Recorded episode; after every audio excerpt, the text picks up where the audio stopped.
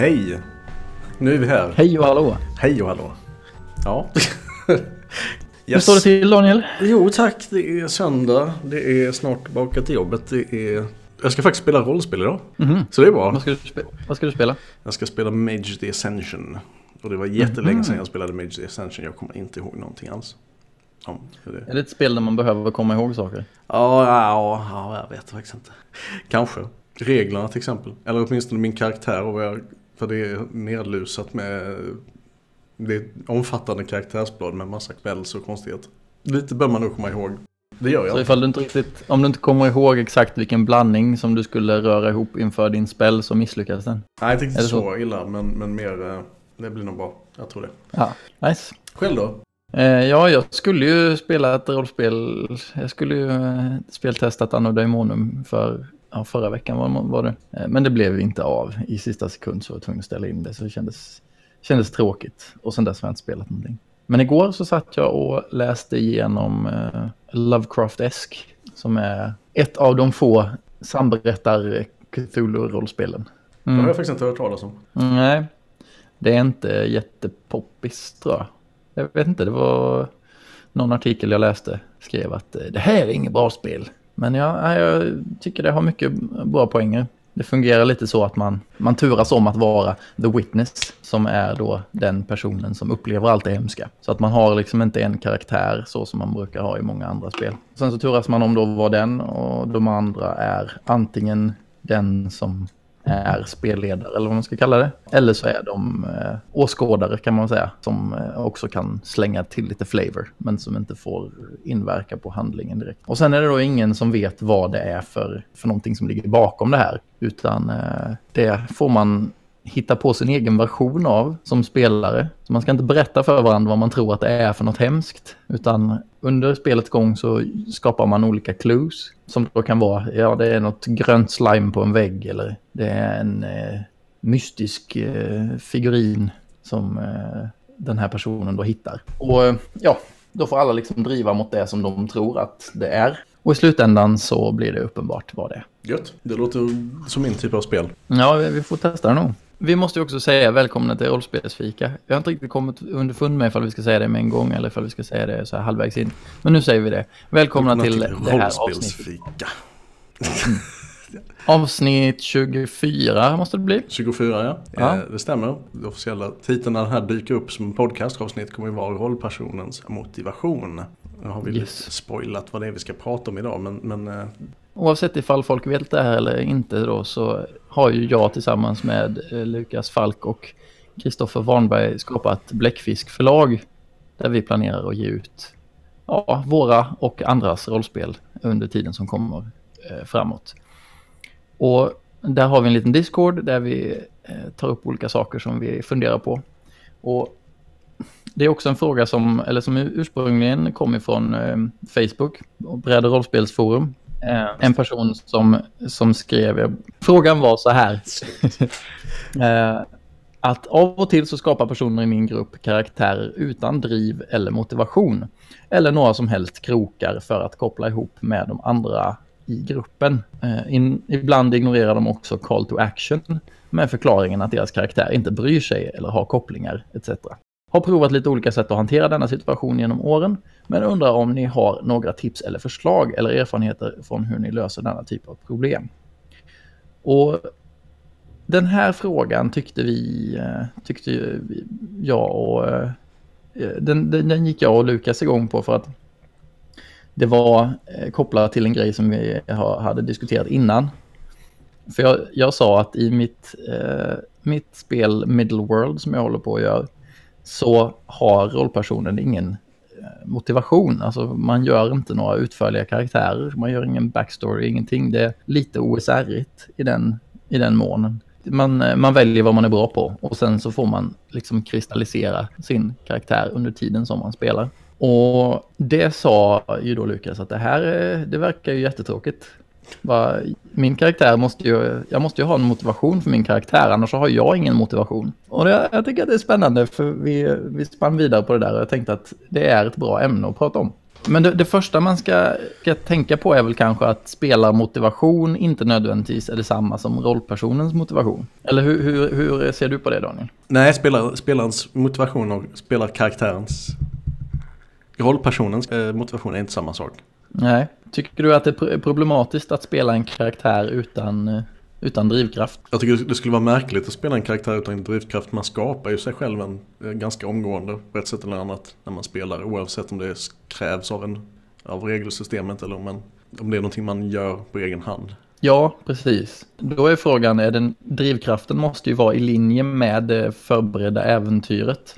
Om vi nu förutsätter att det finns ett sådant. För annars så drar ju rollpersonen åt ett helt annat håll. Vi är ju inne på det där, hur gör man med, eh, med folk som bara sätter sig på tvären och inte vill fortsätta dit äventyret är på väg. Alltså det beror väl lite grann på hur man tänker sig en drivkraft. Jag vet att i vissa spel så är det, är det ju väldigt mycket ett fall av att drivkraften finns där för att få dig att utmana dig själv. Vi spelade ju Varselklotet till exempel när du var med. Och din karaktärs drivkraft var väl jag ger mig aldrig eller något sånt där. Och då, då var det ju liksom ett fall av att ja, men det, rent spelmekaniskt så finns det en fördel av att åberopa sin drivkraft så att man då får, man får pressa sitt slag eller slå om. Så i det avseendet så finns det liksom en högst konkret användning av det. Det har inte bara en narrativ innebörd utan även en spelteknisk sådan. Men det var ju inte en drivkraft som fick mig att eh, interagera med eh, äventyret egentligen jag har vagt för mig att du fick lov att springa för glatta livet någon gång och använda det där då.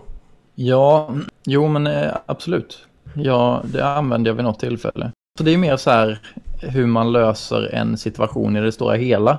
Det jag tror att vi pratar om är ju motivationer och drivkrafter som gör att man inte släpper äventyret. För alltså, om jag har som högsta önskan att jag vill bygga mig ett hus och sen så är äventyret någon form av upptäcktsresa i Afrika. Var, varför ska jag åka på den resan? Jag vill inte åka på någon upptäcktsresa, jag vill bygga mig mitt hus.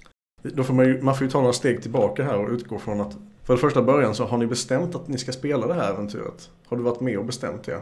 Mm, det, det är en bra invändning, superbra. Men ifall jag inte ifall jag inte har frågat eller min spelledare inte har sagt åt mig vad äventyret ska handla om utan man har bara släppts fri och skapat vilken karaktär man vill då, eh, då är ju det jävligt oklart. För uh, om jag ska vara helt ärlig så upplevde jag lite så med det äventyret vi spelade i varselklotet också. Att det fanns, det var oklart för mig vad äventyret skulle handla om. Och min karaktär hade ingen jättetydlig drivkraft Alltså drivkraften blev att, ja jag vet inte, jag var tvungen att hitta på någon drivkraft som inte fanns där från början. Jag tror det jag menar. Ja, för, för jag menar, vad var det? Vi var, vi var på ett kollo, jag och de andra rollpersonerna. Och det, det började som den här vuxenattraktion-äventyret, eller hur? Ja, det gjorde det, men sen gled det över till en grej jag skrivit själv. Ja, precis. Men för den här vuxenattraktion-grejen är ju så här, ja varför bryr jag mig om det här? Jo, det är för att det är mina föräldrar. Men där när vi var på det kollot, då hade ju vi inte våra föräldrar där. Det var mer en sån här undergångsscenario. Att om vi inte löser det här så kommer det här gå åt helvete. För alla barn kan inte vara på kollot själva. Nej, ni hade ju, ni hade ju era, era kolloledare. Liksom, mm. Som var där. Och du hade ju någon anslutning, någon connection till en av, en av dem som du tyckte om. Som Absolut. riskerade att hamna i trubbel, hur man ska uttrycka det. ja, jo men visst. Men det är ändå så här, ja, varför vill jag... Det är jävligt märkligt det som händer, men varför vill jag gräva vidare i det? Ja, du är ju fast på det här kollot till exempel, just nu. Ja. Men om din drivkraft är, jag ger aldrig upp. Jag tror jag för mig att det var att ta en för laget. Ja, men ta, eh, ja, det, liksom, inte jättestor roll. Det, det finns liksom inte brister på tillämpningsområden här, vad gäller den drivkraften. Men ju... Nej, men jag kan lika gärna använda drivkraften för att göra någonting helt annat. Ja, det kan du ju, men för, för laget implicerar ju också att du är där ni är. Ja, jo visst. Det är lite för specifikt exempel i alla fall, tänker jag i det här fallet. När vi ska... Men, men jag, jag... Ja, det kanske det är. Det beror väl helt enkelt på vad man lägger i ordet drivkraft. Alltså för mig, för mig så är det ju... din ambition, liksom, vad är det som får dig att göra saker? Som du kanske inte annars skulle ha gjort. Ja, som interagerar med äventyret till exempel. Vi, men okej. Okay. Men det är också underförstått någonstans att spelaktiviteten är frivillig. Ja, jo, det är sant. Men så här, när vi skapade karaktärerna till, ähm, till, ähm, till det här äventyret så var det ju inte bara den här drivkraften. Alltså den här drivkraften var ju generell, den var ju inte kopplad till äventyret. Den kunde ju vara vad som helst. Eller hur? Ja, visst. Ja. Och sen var det ju massa andra relationer och sånt som vi skapade. Jag vet att jag hade någon, eh, vi skapade några elaka typer som bara jävlades. Och för mig som spelare så tyckte jag många gånger att den sociala kontexten var mycket mer intressant. Jag hade, jag hade hellre velat spela på det än jag hade velat eh, ut i skogen och leta efter eh, hemliga ingångar till eh, någon eh, militäranläggning. För att det kändes som att när vi hade de där sociala grejerna så hade min rollperson en drivkraft att ta sig an dem. Och jag tyckte att det var mer intressant som spelare också. Min spelarmotivation ligger ju mycket mer åt det hållet med de sociala interaktionerna än att utforska saker och lösa problem. Mm. Så jag tänker mig att det kanske var det kanske var den clashen. Men där hade jag ju behövt veta att nu ska det här äventyret handla om det här. För att jag skulle veta det som spelare då. Och alternativet är att spel, eh, alltså karaktären, ens rollperson har en motivation som pekar en i riktning mot äventyret. Så att man kan förlita sig på den. Och i slutändan så handlar det lite grann om vilken spelartyp man är tror jag.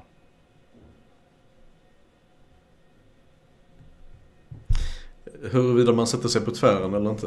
Ja, men vilket man tycker är mest intressant. Uh, ifall man är, uh, om man är en, eller ja, inte vilket, det jag menar är att huruvida man tycker att det är viktigt med en rollpersons motivation eller inte beror lite grann på hur man spelar. Vad det är för typ av aktivitet som man har tänkt sig.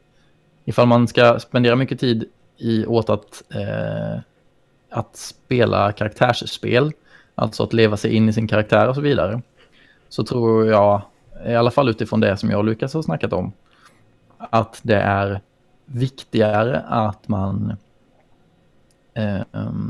att man har en motivation även hos rollpersonen. För att rollpersonens motivation ska på något sätt bli ens egen motivation som spelare mm. när man pysslar med karaktärsspel. Eh, och, inlev, och leva sig in i den och så vidare. Men jag ligger ju mer åt eh, liksom den, det, att skapa fiktivt innehåll, alltså eh, berättar eller regissörshållet. Det är den aktiviteten som jag tycker är mest givande. Så där tycker jag att det är kul till exempel att ja, men, eh, lägga upp en scen där jag vet att det kommer hända något dramatiskt. Så om jag konfronterar den här elakingen som eh, som gör livet surt för oss på kollot så vet jag att det kommer bli någonting dramatiskt av det. Och då får jag lite agens utifrån att jag själv har skapat den situationen, misstänker jag. Jag är med dig, men jag, frågan var väl ändå om vi anser att, att det är liksom nödvändigt att ha en, en drivkraft. Ja, precis. Och det jag vill säga är då att har man en drivkraft så ska den då driva åt det hållet som man tycker att det är, alltså som, som samtalet ska handla om egentligen. Ska det, vara, ska det handla om äventyret så ska drivkraften dra ditåt. Ska det inte handla om äventyret, då kan du dra något annat håll till. Men ifall man inte har en drivkraft alls så ser jag inget problem med det egentligen. Så länge jag som spelare vet vad som förväntas av mig. Men å andra sidan, är man karaktärsspelare så kan det vara så, så kan det vara att det inte funkar. För att man behöver ha en motivation för, för, hos sin rollperson. Känns det inte som att drivkraftsmekaniken i alla fall så som den finns i många spel har mm. skapats mm. just för att komma runt det här med att, att folk bara gör sin egen grej. Ofta så är det kopplat till att du får XP genom det. Eller att det, det ger dig någon annan fördel att spela på din drivkraft. Ja, precis. Det finns ju olika, olika sätt som man kan göra komponenter användbara. Antingen ifall det är att de får plus på tärning eller att det ger XP i slutändan. Men det finns någon form av belöning av att spela på de där grejerna. Och det kan ju ge, i bästa fall så ger det ju både en mer fokuserad karaktär, alltså att det fungerar som ett stöd för spelaren och veta vad den ska pyssla med. Eh, samtidigt som det då likriktar gruppen in mot äventyret. Jag vet inte om det var svar på din fråga egentligen. Alltså det behöver ju kanske inte vara... Alltså drivkraften kan... Det, det beror så mycket på hur man är som spelare. För jag, jag, jag, när jag skapar en karaktär så försöker jag fundera i termer av liksom vad vill... Vad vill den här karaktären? Av, sig själv, av mig själv liksom. Det behövs ingen... Jag behöver inte, känner jag i alla fall, en... En, eh, en prompt att komma på det. Nej, För att det är liksom ganska basic när man skapar en, en fiktiv karaktär. Att man skapar en, eh, en ambition eller en drivkraft och ett mål. mm. Största svaghet. Är det de här needs and lies och det, det hänger ihop där liksom. Mm. Eller wants eller vad det nu var. Ja. ja, du tänker på character arc. Character arc eh, grejen. Alltså att du definierar vissa saker om din karaktär. Som kommer liksom att... Har du liksom ingen klar drivkraft. Och så, återigen när jag tänker drivkraft så tänker jag på det som, det som får dig att röra dig framåt. Ja, men du, du, det står ju inte längs en pipeline. Eller så. Röra dig framåt kan ju vara bakåt också, eller Ja, hur? ja, ja, jag menar liksom inte i en bokstavlig riktning utan bara... Alltså Ja, driva din men det- karaktär framåt. Jag bara menar att ifall spelledaren vill att äventyret ska gå hit och Ja. du är här. Så ifall du bara, om, om du har din drivkraft som gör att du går framåt så kan det vara att du går åt fel håll. Jag menar att visst, den typen av driv- drivkraft som du pratar om, den gör jag också undermedvetet. Eller medvetet också ibland.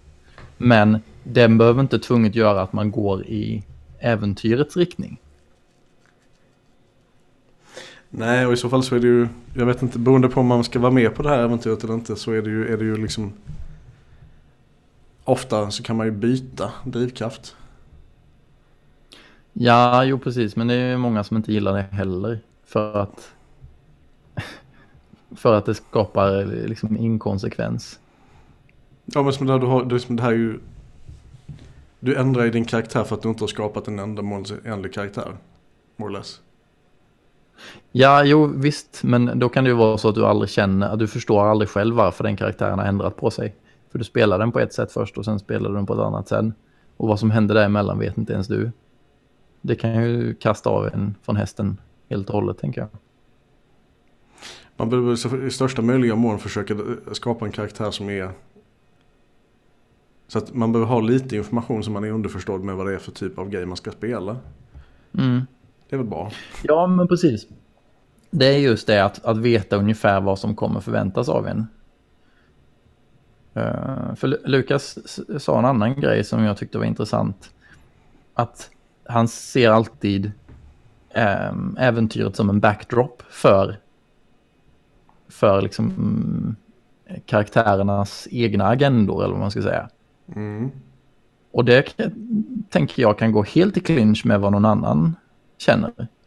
Alltså om man till exempel har en spelledare som, som har gjort en one-shot med väldigt eh, specifika eh, story beats eller vad man ska kalla det för. Då kan det ju vara helt förödande att någon karaktär börjar gå åt sitt eget håll.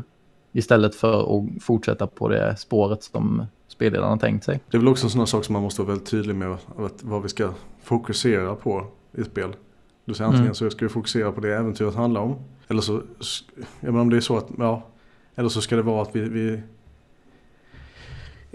era egna stories är det som genererar det stora äventyret så att säga. Jag tar mina cues från er. Mm. Men det måste ju vara, det borde ju vara tydligt på något sätt. Man kan inte bara anta att det liksom, vi spelar ett äventyr men att, att det ska då handla om era minihistorier. Mm. Er, era, era loyalty quests som man ska använda Mass Effect-termer. Liksom, du har den stora handlingen och sen så har du liksom de små små questarna bredvid som du kan göra om du vill ha extra, extra XP och eh, kanske ett fancyare vapen liksom. Mm. Eh, lite så. Du får ändå demonstrerat att vad det är ni ska göra för någonting. Eller är, mm. det, är det här övertydligt? Jag vet inte. Nej men vadå, det, det är väl superbra. För jag tycker att den tydligheten finns inte många, många gånger. Som till exempel i, när vi spelade ur varselklotet där den gången. Jag visste inte vad det var som var det viktiga. Ifall jag skulle fokusera på att lösa äventyret eller ifall det var okej okay att jag drölade och tog en massa scener eh, som jag kände för. Och som jag tyckte var mm, roligast att in, liksom spela på. Ja, och det var ju en brist hos mig som spelledare i det fallet. För att det är ju, det är ju, båda är viktiga. Men eh, det, det, står ju till och med i regelboken att, att det är, vardagsscenerna ska ta mycket plats. Så att... Men det, det, det, det är bara med svårt alltså. För det, det är ju, alltså ibland kan det vara tydligt vad en scen syftar till. Eh, ifall det är en downtime-scen eller ifall det är en annan typ av scen. Downtime-scener har ju nästan aldrig story-fokus. Eller så, eh, äventyrsfokus. Det är ju alltid en downtime, det vill säga att nu har vi lite paus. Nej. Och, och då, då, är det tydligt vad man ska göra i en downtime-scen. Nu har du möjlighet att göra precis vad du vill. Eh, och plocka ifrån din karaktärs övriga agendor och, och leka med dem. Men alla andra scener är det ju, för mig är det supersvårt att veta, ska, är det okej okay att jag kastar in den här grejen nu som handlar om min relation till någon annan kanske? Eller eh, vad det nu kan vara. Eller ska vi nu fokusera på äventyret? För många gånger så gör man ju en avvägning där. Och i många gånger så är de här valen uteslut, eh, ömsesidigt uteslutande. Fokuserar jag på storyn så går jag miste om en perfekt chans att konfrontera en eh, kamrat kanske. Ja. Men fokus, fokuserar jag på att konfrontera den så då kanske vi, då kanske vi dör. Vi kanske förlorar hela äventyret. Och då är frågan, vad väljer man där? Jag vet inte. Det är inte alltid givet. Alltså är det, är samtidigt, jag vet inte på något sätt underförstått i det. Tänker jag i alla fall liksom att om det nu är så att ni spelar ett äventyr så är det ju på något sätt underförstått att det är det vi, som är aktivitetens huvudsakliga mål. För annars hade vi inte spelat ett äventyr, annars hade vi kanske spelat friform eller haft någonting helt annat. Och även om det finns plats för liksom enskilda historier så är det ju i slutändan något som ska lösas. Liksom. För mig så är, så är den här avvägningen väldigt svår. Jag tycker att det är klurigt att veta vad jag, vad jag förväntas spela på. Och vad jag ska göra för att inte någon annan ska tycka att det är tråkigt eller meningslöst det jag pysslar med. Jag tror du tänker för alltså, jag, jag, om du får istället bara ett förslag eller en tanke. Ja, ja, det är att du fokuserar mer på vad du är ute efter. Och lita på att de andra kommer att, att göra detsamma. Ja, men då sitter vi alla där och leker med våra egna leksaker. Eller att ni pratar i, i downtime om ja, det här kan vi väl göra mer av nästa gång eller liknande.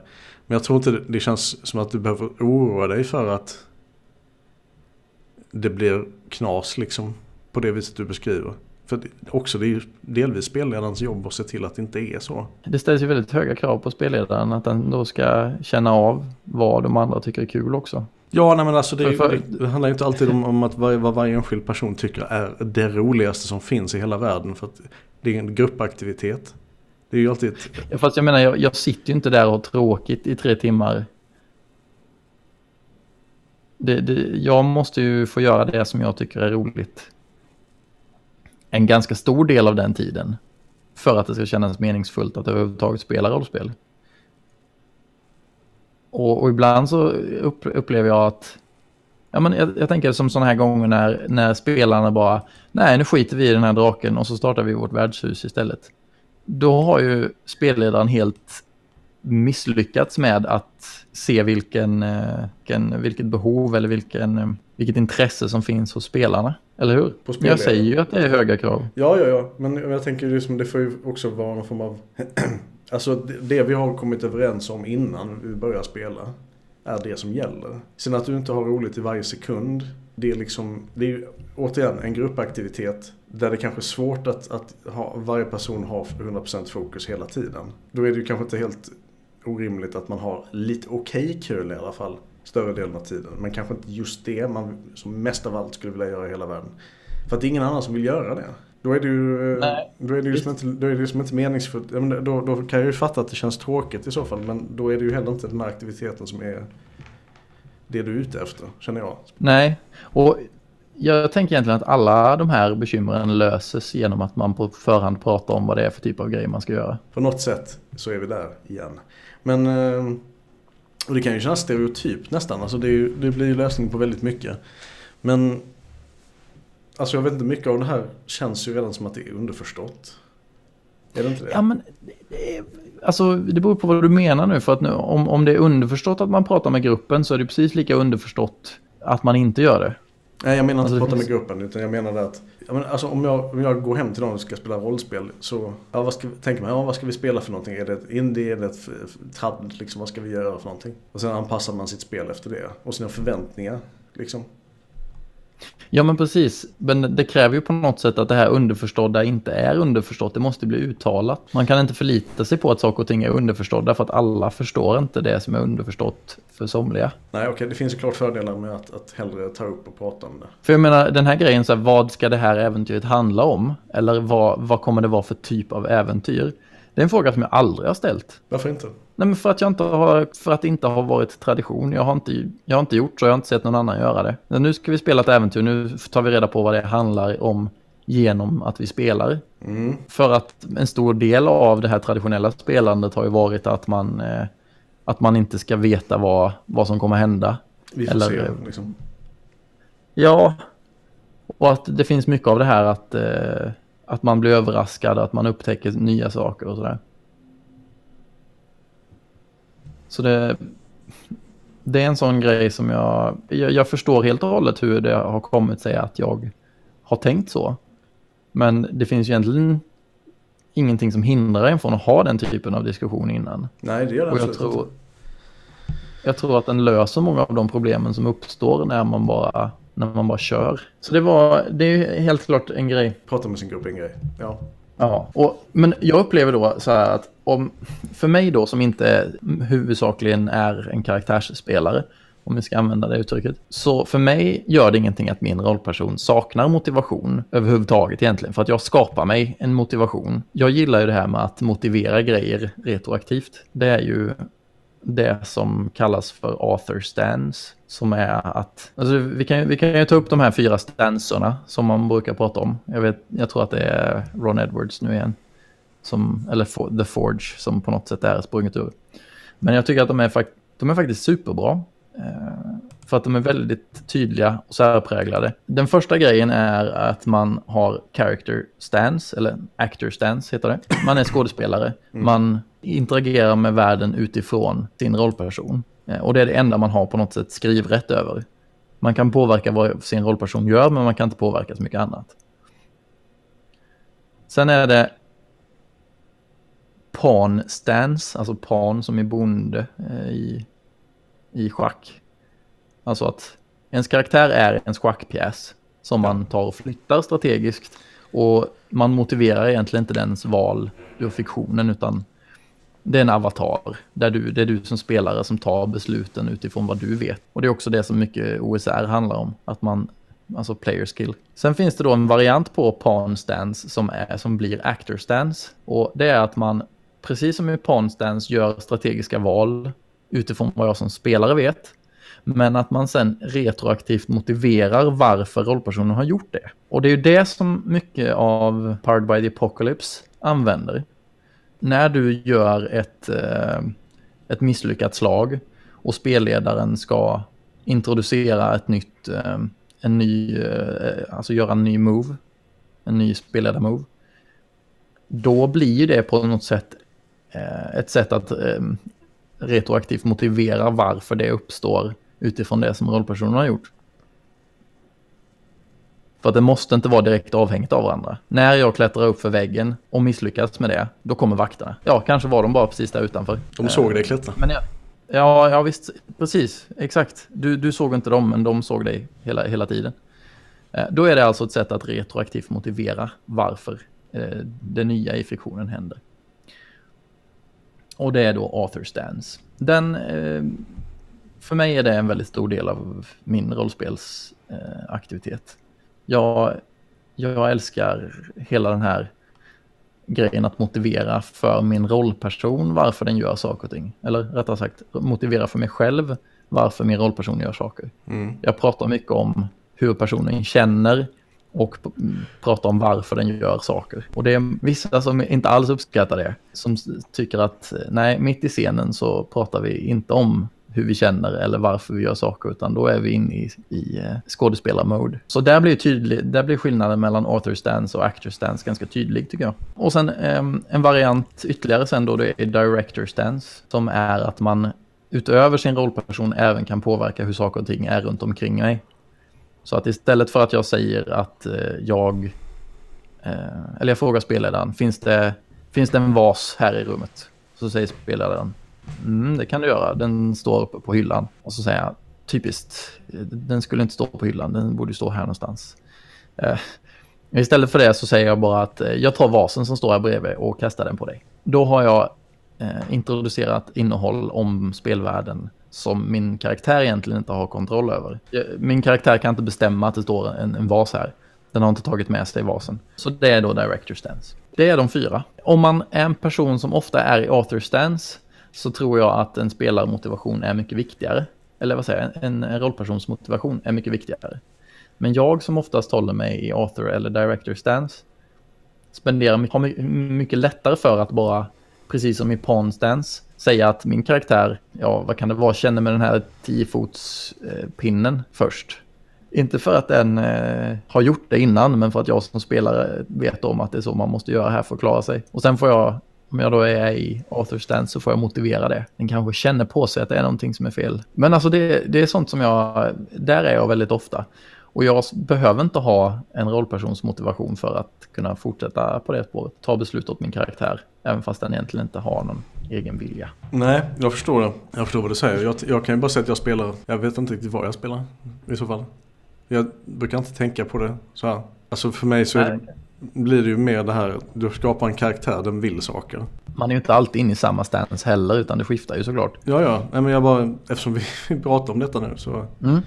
Men, men känner du att din rollperson måste ha en motivation? För att jag menar, du pratar ändå om karaktären som att den vill saker. Alltså för mig, för mig så är det mer att den har en motivation för annars är det ingen karaktär. Nej, okej. Okay. Du, du är inte klar med den karaktären ifall du inte har någonting som driver den framåt. Nej. Hur ska du kunna spela den annars? Förutom, ja, om du släpper ner den i en, en, i en labyrint liksom, och den ska omedelbart förhålla sig till fällor och saker så kanske man... Men det är som, jag vet inte, det känns så, det är så lite karaktärsspel så att det knappt är en karaktär liksom. En avatar. Nej, men men... Ja, precis. Jag tänker att det blir samma som om du spelar World of Warcraft. Ja. Karaktären har ingen egen själ på något vis. Den är bara ditt eh, sätt att interagera med spelvärlden. Det är din köttvante liksom. Det var en vidrig beskrivning, men jag menar eh, jag puppet, den var, den puppet liksom. Eh, den, den har, har, ingen egen agens. Och du låtsas inte som den har det heller. Jag tror det blir väldigt konstigt för vi spelade Tjuvarnas labyrint på Gotcon förra året. Mm. Och jag vet att eh, jag spelar ju liksom som att jag har en, det här är en karaktär som har en, ett förflutet och förstår saker. Och har drivkraft. Medan jag tror inte de andra gjorde det utan att det blev mer en, en sån här situation där man spelade, vi bara grindade igenom det här. Och det bara kändes skitkonstigt tycker jag. För att liksom, målet är att vinna men då, om, då, om det är så så finns det väl ingen som helst liksom, anledning att ens låtsas ha en karaktär egentligen. Då är det bara typ slumpa fram något skit. Och... Ja, precis det. Precis det. Det är, det är därför jag har gjort så med middle world. Och meningen är att vi, ska, att vi ska vinna och ta reda på vad det här är för labyrint eller klara oss igenom den eller vad det nu är. Så varför behöver vi ens ha en karaktär? Så att även fast det inte är min typ av spel, jag föredrar att ha en karaktär, så inser jag att jag har gjort ett spel som, som är så ändå. För att det är det enda sättet som jag kan tänka mig att spela ett spel där fokuset är på spelledarens plott. Det är ju verkligen märkligt annars. Jag menar, det är ju det är som att spela Diablo annars. Motsvarande. Alltså du springer runt, ja. du har din avatar. Du har fått välja bland ett antal skins och klasser som kan göra pew pew på olika sätt. Men eh, i grund och botten så har du liksom ingen, din karaktär har ju inga, ja, de har ju en färdigskriven story där men den är rätt ytlig. Men eh, det är inte ens det finns ju. Alltså läser man inte de här textrutorna eller liksom tar del av storyn i Diablo så då, då finns det ju egentligen ingenting. Det är ju bara, det är bara ett system som du spelar. Men om vi... Om du bara stannar ett tag och lyssnar så kan du ju ja. snart lära dig mer. ja, jag är ju faktiskt... Alltså alla de här gamla eh, rollspelen till dator som har textrutor och inte inspelad dialog. Jag har inte... Jag läser så långsamt eh, och är inte en läsare så mycket egentligen. När spelet har liksom den här supertakten hela, hela vägen fram till den här textrutan och så kommer vi till textrutan och sen ska jag behöva läsa den i min takt. Så går det så långsamt så att jag liksom, jag hade ju ett flow här. Det bara förstör mitt flow fullständigt. Så jag, jag har aldrig läst dem, inte ens i, i Morrowind läste jag dem särskilt mycket. Nej, men de är oftast inte så himla... Hur är det med, du har inte spelat Baldur's Gate och de här spelen? Nej, lite grann bara. För där är det ju mycket text. Igenom. Ja, precis. Löpande. Men det är också ett ganska långsamt spel. Alltså Planescape Torment är ju väldigt, väldigt långsamt. Ja. Och, Låter inte som min typ av spel. Ja, det är ett fantastiskt spel. Det är ett jättebra story. Det är så välskrivet. Så det är... Ja. Jag tycker ju eh, Firewatch var ju superbra. Mm. För att jag tvingades att läsa i princip ingenting. Ja, du fick ju lyssna på det istället. Ja, precis. Helt okej okay för mig. För att samtidigt som jag lyssnade på det så kunde jag gå omkring och titta på jättefina... ja, men jag tänker att det är samma sak som varför eh, lyssnar folk på ljudböcker istället för att eh, läsa. Ja, det kan man fråga Ja, det är för att, för att man är kass på att läsa förmodligen. Eller för att man vill titta på fin natur samtidigt. Ja, det är för en legitim anledning. Ja, nåväl, vi återvänder till um, ursprungsfrågan då. Frågan som den här personen på Brädrollspelsforum skrev var ju mer, alltså när folk sätter sig på tvären. Jag menar, om man har en call to action, frågan är ju, är den, är den tydlig? Är det tydligt att det här är call to action? För det är inte alltid det är det. Eh, ibland så introducerar spelledaren en jävla massa saker som inte, som inte alls är meningsfulla. Ja men så här, vad, om man, man är på, på en taverna och så Nej. säger man att i, i hörnet så sitter det en mystisk person eh, med en kåpa över huvudet. Ja, det ser jävligt ut. Alltså. Ja, precis. Och det, det, det, det, passar precis beskrivningen på den som eh, ska ge det här uppdraget. Så säger spelaren, ja, vad finns det mer för folk på den här eh, krogen? Ja, det finns en, liten, det finns en liten goblin kanske som sitter och spelar tärning. Jag går och pratar med goblin. Jag fattar vad du är ute efter. Ja. För det, det, är liksom hela det här att det där, i det fallet tycker jag att det är tydligt att det är ett call to action. Ibland upplever jag att det finns en så stark slitning mellan det här what would my character do och det som jag själv som spelare ser som det uppenbara för äventyret. Oftast ska ju de sammanfalla, men det gör de inte alltid. Alltså, jag tror också det beror så himla mycket på spelledaren. För att det, jag tycker det är ganska kul när folk gör såna här grejer. Som, som i, i, ehm, jag håller på att spela eh, varselklotet med några från kören. Och där, där, har de ju ett antal gånger liksom så här gjort lite typ sin egen grej. Och det är, tänkte när jag började med detta, eh, nej men jag tänker inte begränsa mig till, till liksom vad som står i boken nu. Utan vi får se vad det blir helt enkelt. Det är sjukt mycket roligt. Det är sjukt kul. Alltså vi blandar ju ihop det för det finns ju, de har ju ett, ett uppdrag. Eh, som egentligen är jag tror för den gruppen mindre intressant än, än eh, de här personliga problemen som har uppstått. Mm. Men det är också start, ett, alltså starter quest så att säga. Det är, inte, mm. det är inte liv eller död riktigt än. Men jag, jag, tänkte precis på ditt exempel bara. Du använde ju tidigare någon, någon sorts um, illustrerande här. Du sitter på en taverna och det kommer fram en, uh, en kvinna till er. Hon säger att hon uh, hennes, vad var det, hennes familj är kidnappad eller vad det nu var. Mm. Hon säger, ja, kan du snälla hjälpa mig? Du bara, nej, nej, jag, tyvärr det känns inte som min grej.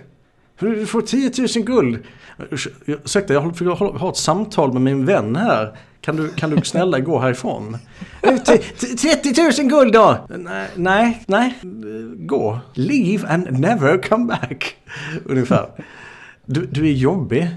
Jag vill inte det. En anledning till att det känns sådär för den spelaren är ju att man har suttit i flera timmar kanske och gjort sin karaktär, gjort världens bästa backstory och med fullt med en massa små krokar, massa små saker som man vill nysta i, man vill åka till de här platserna man har pratat om, man vill eh, se vad det får för konsekvenser eller man har något mystiskt föremål eller något mystiskt, eh, ja, massa, massa grejer Ja, Varje gång jag gör en karaktär så finns det en massa sådana saker som jag vill spela på. Till exempel, eh, okej, okay, nästa gång jag hamnar i, i en fight, hmm, jag undrar hur det påverkar mig. Eh, hur, hur, känner jag då? I och med att förra gången jag var i en fight så fick jag spö in i djävulen. Alltså att man, då vill man se vad det är. Och man har en massa sådana små grejer som man är intresserad av att utforska. Ja, då blir det mer som att spelledaren, liksom, du, har, du har ju samlat Ja, det här beror ju såklart på spel, alltså vilken spel, vilken typ av spel ni har. Ja. I vad jag skulle kalla trad så är det kanske liksom, ja du har skrivit ner väldigt mycket setdressing till din karaktär. Men det är inte det som är det intressant, det är inte det som är grejen liksom. Så då har du gjort det arbetet helt i onödan. Mm. Om det är lite mer eh, liksom powered by the apocalypse eller senare eller typ inspirerat eh, av, eller ett indiespel, bla så är det ju meningen i alla fall att, är väl gängse tradition nu för tiden liksom att spelledaren ska typ se vad du har skrivit och eh, tolka det som hux. Liksom att du bjuder in till den här typen av spel, det här är jag intresserad av. Ja, precis. Men det här är återigen kontext. Liksom. Då, då måste jag frågan varför har du skrivit ett, ett, ett, långt, långt manuskript till ett spel som inte alls är tänkt att vara så? Då förutsätter vi att du visste om att det var så. Ja, men eh, det är ju vissa spel som är så. Alltså, jag tänker många, många tradspel kan ju vara så många olika saker. Så där är det superviktigt att man pratar om vad det är för typ av grej man ska göra. För pratar man inte om det så kan det vara så att någon förbereder ett jättelångt manuskript. Och i slutändan så, ja men det här var ett rälsat äventyr som vi skulle spela. Absolut. För, för jag menar, ifall, ifall jag då, jag har liksom tolkat det som så här. När jag gör min karaktär, då plockar jag ihop en leksakslåda med olika små saker som jag vill spela på, som jag vill använda. Ja. Och sen när, när vi sen ska börja spela så ställer spelledaren fram sin leksak som man får lov att interagera med eller kombinera med någon av sina leksaker. Och har jag då fyllt min, leksaker med, eller min leksakslåda med bara en massa leksaker som inte passar ihop med det som spelledaren kommer ställa fram, då kommer jag inte ha kul. Då kommer jag bara känna frustration över att jag har sådär, jag har ju min ascoola T-Rex i, i, min, eh, eh, i min leksakslåda, men jag får aldrig lov att använda den. För att det inte är det som äventyret ska handla om. Och du, nu måste vi förutsätta att du inte visste om vad äventyret skulle handla om. Precis, alltså säger spelledaren, alltså, vi, vi har pratat om den här metaforen eller analogin lite tidigare. Och du sa att ja, men ifall man då gör en tydlig premiss från början, man säger att eh, det här äventyret kommer vara ett eh, investigative horror-äventyr kanske. Eh, och så gör jag en, en trebarnsmamma eh, som eh, är på, ja, som jag vet inte, jobbar på ICA kanske då kommer inte det... Jag visste det skulle kunna bli ganska kul i och för sig, men det skulle vara svårt att passa ihop. För att eh, hon kommer inte kunna undersöka saker som en, eh, som en detektiv. Liksom. Hon Nej. kommer inte ha motivationen att göra det heller.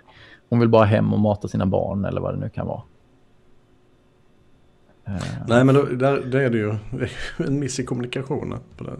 Ja, men ifall, ifall man då gör tydligt premissen från början så är det som att ställa fram ett dockhus där man innan man börjar plocka upp sina leksakslådor så säger man att det här är det dockhuset som vi kommer leka med, ja. leka i. Ja, ta nu leksaker som passar till det. Ta nu inte något stridsflygplan för det kommer inte passa här i. Och sätta sig på tvären om vi ska fortsätta den här liknelsen. Det gör att ja. du, vet, du, vet, du, har, du vet vad det är för dockskåp som ska tas med. Men du tar lik förbannat med din jävla brandbil. Eh, och sen när ingen annan, brandbilen får inte ens plats liksom, hur har du tänkt här? Eh, när då alla andra eh, tänker att ja, ja okej, okay, men vi får väl, eh, du får väl vara med. På, liksom, din brandbil kanske står ut, utanför eller sånt där och sen så bara skiter du i det och, och sitter och leker med din brandbil istället. Eller mm. typ surar. Det är mer troligt. Ja, precis. Då, då, är det ju, jag skulle ju säga som vissa andra gjorde i den tråden att då är det ju spelaren det är fel på. Ja, visst. Om vi nu förutsätter att ja, den det... har fått svart på vitt redan innan vad det kommer att handla om. Ja. Alltså säger man nu att nu ska vi spela eh, ett äventyr som eh, utspelar sig i det här dockhuset eh, och jag ändå tar med min brandbil, då, då är det så här, visst fine, du tycker att det är roligast med brandbilar. Jag fattar det. Men nu är det inte den typen av äventyr vi ska spela. Vi kommer spela det en annan gång. Då har man ju ändå gett den personen den chansen att göra någonting, någon, alltså att anpassa sig. Men för min egen del så jag är inte sen på att anpassa mig. Det är bara att jag, jag måste veta vad, hur jag ska anpassa mig på förhand. För om jag investerar en jävla massa tid i att fylla min leksakslåda med massa coola saker som jag känner mig inspirerad av att leka med. Så vill jag inte komma sen till äventyret och inse att ingenting av det passar. Och ofta så blir det också så att istället för att interagera med det som, som spelledaren ställer fram i dockhuset så eh, då interagerar jag med någon av de andras leksaker istället. Och så skiftas fokus istället för att vara på äventyret på. Så skiftas det till att vara på våra rollpersoner. Och det kanske inte, det kanske då inte är meningen. Men ibland så är det kanske meningen. Eh, men det är också någonting man behöver prata om från början. Huruvida det är okej okay att man eh, struntar i det. Har man, har man en så, om man har en hook där det, man sitter på tavernan och sen så kommer det en man springandes utanför skrikandes. Eh, ja, ifall man då är mitt uppe i ett intressant samtal så kanske man inte vill avbryta det. Och då har den hooken försvunnit. Då måste spelaren sitta och fundera på, ja, vart har den här mannen tagit vägen nu sen då? Han springer ett varv till. Ja. ja, hur ska alltså, de nu få reda på det som den här mannen hade att säga? Vad kommer hända nu? Och så blir det en massa huvudbry. Han kollapsar vid era fötter. Man får vara lite kreativ, tror jag. Mm. Lägg dig på högen där borta. En Yrrol-referens. Lite så. Men eh, ja, jag vet inte. Det känns som den här situationen uppstår av någon form av tjurskallighet från båda sidor. Jag skulle säga att det uppstår på grund av dålig kommunikation. Ja, men också liksom att jag vet inte riktigt om det lönar sig att liksom i en spelsituation tala om att man, jag vill att jag ska ha kul hela tiden. Liksom. Det är inte, Nej, det är inte det, produktivt det... för det är grupp, en gruppaktivitet i slutändan och då måste man kompromissa. Absolut, och jag vill, jag vill vara tydlig med att det är inte så jag menar heller. För det är så jag, jag vet att vissa tolkar det när jag säger så att jag vill ha roligt när jag spelar rollspel. Men jag är helt fin med att som i till exempel Anno Daemonum, att när det blir min tur så får jag välja leksak ur min låda och så får de andra interagera med den. Eh, nästa tur så är det nästa persons, då får den välja någonting ur sin låda och sen så gör, turas man om så, det är jag helt fine med. Men det är just det att jag ska veta att jag har ett utrymme att leka med mina leksaker. För att om jag inte får leka med det som jag känner mig mest inspirerad till så det är ju det jag vill. Det är inte för mycket begärt att jag ska få använda mina leksaker som jag gillar bäst. Så länge de inte är helt missanpassade. Det hade vi en annan tråd igår som jag inte, vi, vi inte kommer hinna ta idag. Men att, att om man eh, alla lägger sina leksaker i en stor hög och sen eh, leker så. Istället för att ta turer, turas om.